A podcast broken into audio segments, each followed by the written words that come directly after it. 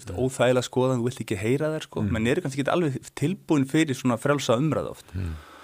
Og en mér er líka til dæmis þegar ég byrjaði að skrifa hart þegar ég komst að því að það voru 0,2% ánatinni bara, samkvæmt, bara miðjum mars það bara mælingar þannig að díkót síndu það. Uh, þá var einminn okkar fylgjendur á Facebook sem fylgjast með mér.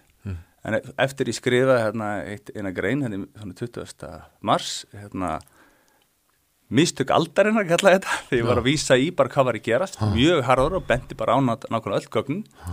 Þá var svona helmingar með fylgjendum bara það er bara ég var bara alltaf að fara að drepa ömmu þeirra eitthvað slíkt sko. það var þannig menn men, að lesa men, með það var, unfriendaði þannig á að var, það, var, það var sko hræðslan var orðin svo mikil sko, við þetta sko. En þegar maður fór að tala fram svona beint meira sem tók eftir var það að það voru mjög margir sem þorði ekki að tjá sig. Og höfðu svo sambandi mig og ég kom ákveðnum hugmyndi þeirra á framfæri sko. en bara þetta, þetta var aldrei mjög sérstakt svona eitar and, andrúsloft sem átti sér staðan og ég man eitt sem kveikti mér til að byrja með í 2020 það var það ég var alveg upplýsingar um það þetta var, þetta var, þetta var bara tilbúin vírus. Bara, það var í byrjun árs 2020 menn byrja bara að taka þetta niður strax þó maður verið að sjá eitthvað í prógramin á vírusnum sko. en bara förum við atbyrðað sem þar. Menna, jújú, jú, það kom hann Michael Schellenberger, hann kom nýlega með upplöfstrun og komst að því og síndi fram á það að, að, að hérna, þrý fyrstu sjúklingu 0 þeir unnu á þess að Wuhan tilunarstofu og einn þeirra, héti ekki að Wu eða eitthvað, maður ekki hvað héti, en allavega hann, hann var að vinna við að þróa koronavírus og hafði verið að vinna með hérna, móður koronavírus svona, þarna uppgjör við kóið er gríðalega mikið vakt og þetta er alveg þetta er alveg hræðilegt og það eru margi sem hafa borið skada af, af bólefninu Já.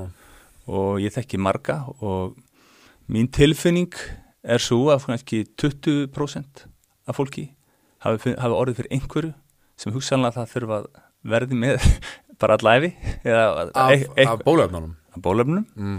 Uh, það var gerð mæling í, í, í kallað zombie mæling í, í, í bandaríkjunum þar sem komist að vera 17% það getur alls konar alls konar, allt melli hímis og jarðar hann en, en það eru þessu sko umfangið er gríðalegt mm. margi vilja meina og, og það má alveg líkur á því að þessi umfram döðsvöld sem við sjá núna þetta sé COVID-bólefnunum að kenna?